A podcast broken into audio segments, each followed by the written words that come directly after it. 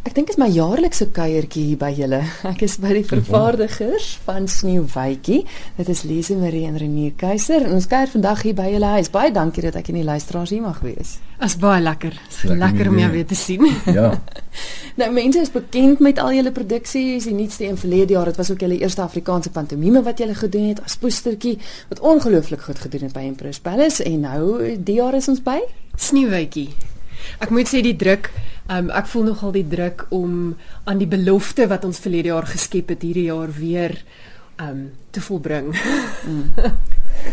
Want dit is, julle het verlede jaar het julle 'n president wil ek amper al sê geskep met Afrikaanse pantomime, die eerste wat daar is en ja, julle moet nou voortbou op die reuse sukses van verlede jaar.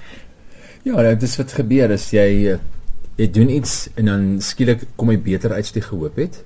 Jy weet nie regtig hoekom nie, maar alles val net beautiful in plek. Uh, om eerlik te wees, die die die uh finale kleedrepetisie. Ehm um, ek het daai aand nie geslaap nie. Ek gedink hier ons moet die media almal skakel en sê oor die aspoestertjie se groot flop, hulle moet asseblief maar liewers nie kom nie. Ehm um, ek het nie geslaap nie. En uh, en die volgende dag, toe op die verhoog klim, Kom toe- alles bymekaar. mekaar. Ehm um, so as poestertjie het baie beter gedoen as wat ons voorgehoop het. Ons mik hoog, maar het beter uitgekom. Dit danke aan ons fantastiese span. I mean Wesley as as regisseur uh, met 'n fantastiese werk gedoen. Regtig wat hy daar reg gekry het. Magiel se musiek was lieflik. En uh, en nou is jy waar nou ons weet nie presies hoe ons nou laas jaar so goed gedoen het nie, maar nou moet nou moet jy die koek weer bak. En jy moet seker maak jy kry die die die bestanddele weer reg. Weer 'n lieflike die- 'n span, weer Wesley Ladders regisseur, Hardy edele op op die musiek. Ehm um, dieselfde mense op deken kostumering is van tevore. So ons het al die regte bestanddele en ons gaan nou maandag begin repetisies. So ons sien baie uit om te sien hoe die ding aan mekaar kom. Kyk, daar's 'n magt om sprokies om van uit te kies. Hoekom Ja. Sneeuwwytjie? Ek dink uh die keuse van sprokie gaan met ons saam met wie wie ons in die hoofrol wil wil hê. En Karlien, ons wou baie graag met Karlien gewerk het en sy was vir ons as poestertjie. En ons wil baie graag saam met Nadine ook gewerk het. En as ek na haar kyk, dan dink ek aan Sneeuwwytjie. En so, ehm um, jy kyk ook na die na die verhaal, die die manier wat die struktuur van die verhaal, jy weet partysprokies is makliker om te vertel as ander. Mm -hmm. Maar dan kyk jy ook wie is die hoofrolle saam met wie jy wil werk en wat hierdie jaar beskikbaar is en dan pas die twee maar so bymekaar. En dit is eintlik fantasties dat dit Nadine is want dit is vanjaar haar 20ste jaar in die bedryf. So ek dink Ja. ook iets iets om by haar lysie te voeg. Dit is vir haar, sy is verskriklik opgewonde. Ja. Toe ons die eerste keer gepraat het, was sy want sy is baie baie lief vir teater. Um en sy kry eintlik maar min geleentheid om daai liefde uit te leef. So sy kan nie wag nie. Goed, so sy speel nou Sneeuwwytjie. Wie's van die ander karakters? Ons het vir haar um Angela Kilian as die bose koningin en dit is nou een van my groot drome wat waar geword het om bietjie saam met haar te werk. Ek het haar al in verskriklik baie Engelse produksies ge gesien. Sy's 'n Engelse teaterlegende en vir ons om om om haar in 'n Afrikaanse produksie te kan hê is 'n geweldige eer. Ja, dit is 'n opdrag vir ons onderhoud audisie soort van situasie. Uh wie staan regop want hier so kom Angela Kilian is nie vertrek. Ehm um, ek het baie keer in die gehoor gesit terwyl sy ons betower van die voorg af en nou sê hy en sy gaan met ons praat en sy praat in Afrikaans. en sy gaan soms werk. Dit is regtig iets wat ons baie opgewonde maak. Uh, ek dink sy gaan die die koning hing wat ons nou die sneeukoning koning noem, ehm um, Narcissa baie goed speel en sy gaan al die kinders bang maak. En Hooplik die Party pappas en die die mammas ook, ja. want sy het 'n baie groot persoon. So ons sien sien baie uit ons saam werk.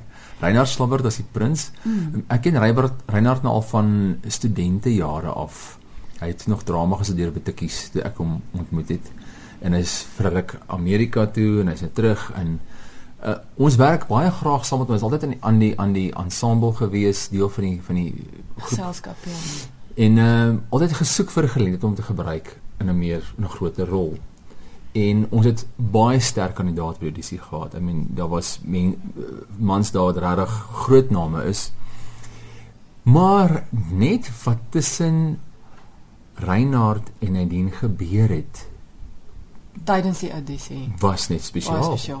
Hy het Ja. 'n manier gehad om haar te laat veilig voel. Daar's 'n 'n 'n chemistry gewees wat die ander ouens se toneel was briljant en 'n sang was briljant, maar Reinhard het net iets daar gehad wat jy voel veilig by hom. Ja. Ja, gas nee, dis ons prins moet vir ons dit gee. So, dit is sy beurt. Reinhard is 'n baie veelsidige ondersteunende akteur.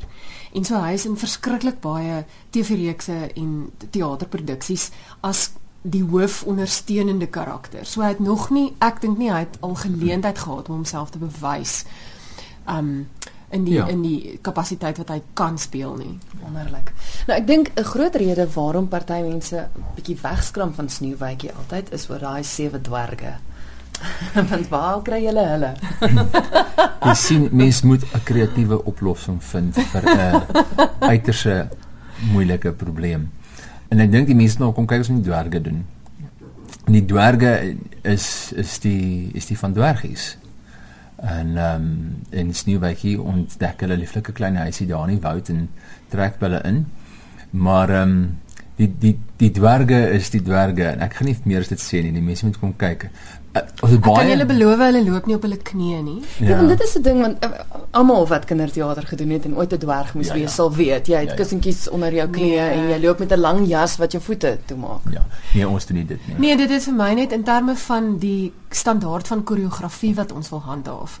As jy nou helfte van jou cast op hulle knieë het, is die koreografie maar 'n bietjie moeilik. Beperk. En so, dis beperk ja nee. So ons het 'n baie ander kreatiewe oplossing gevind vir dit. Oh, maar nou is ek nuuskierig. Jy moet maar kom kyk.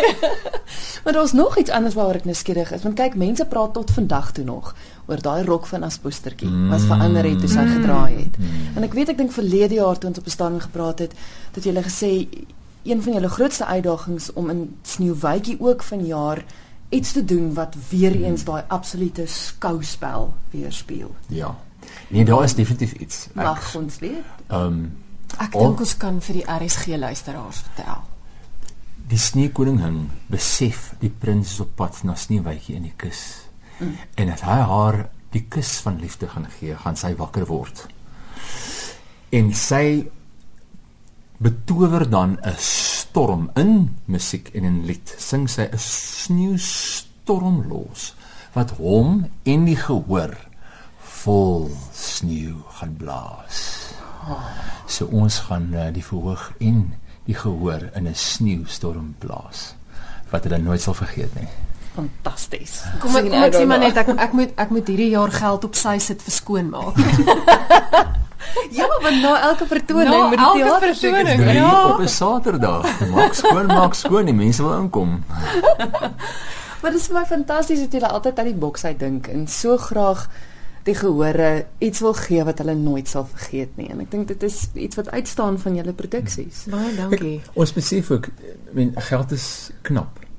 Ehm um, ons mense is besig. As 'n gesin geld eenkant sit vir teater en die moeite doen om in hulle motors te klim en uit te ry na 'n teater toe. Ehm um, wil jy seker maak hulle voel dit was die moeite werd, was die geld werd. Ehm um, anders verloor jy gehoor. Ek mense met vir hulle investering in teater en vir hulle tyd wat hulle dan afstaan, moet jy Beloon word. beloon. Jy moet vir hulle sê hier is 'n belewenis wat jy die res van jou lewe en jou kinders in die res van hulle lewens gaan onthou. Ons maak dit vir jou daai geld jy spandeer die moeite werd. Ehm um, en as ons daarin val dan dan is die moeilikheid, dan gaan ons ons deure met toe maak. So ons is baie opgewonde. Ons is lief daarvoor. Ek gaan kyk my eie stories oor en oor want ek love dit wanneer dinge gebeur en jy sien die mense nie gehoor en jy hoor hulle dit beleef. En dis hoekom mense dit doen. Dis hoekom ek dit verkies voor ander mediums soos TV en film want ek kan daar wees wanneer die mense eerstehands die belewenis het van die kreatiewe proses wat voor hulle afspeel. Dit is altyd lieflik. Nou julle begin nou binnekort met repetisies. Ek gaan wel op 'n stadium ook 'n draai daar maak om te kyk hoe die dwerge lyk. maar vinnig gou, luisteraars, dit kaartjies is reeds beskikbaar, so hulle kan reeds koop. Wat is die datums? Net gou weer waar tye waarom. Ons open 6 Mei by Emperor's Palace, dis weer by die Theatre of Marcellus en ons speel tot 12 Junie.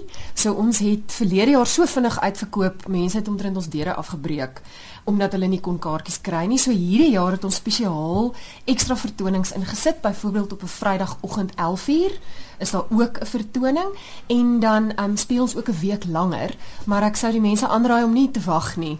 Die kaartjies verkoop reeds baie baie goed.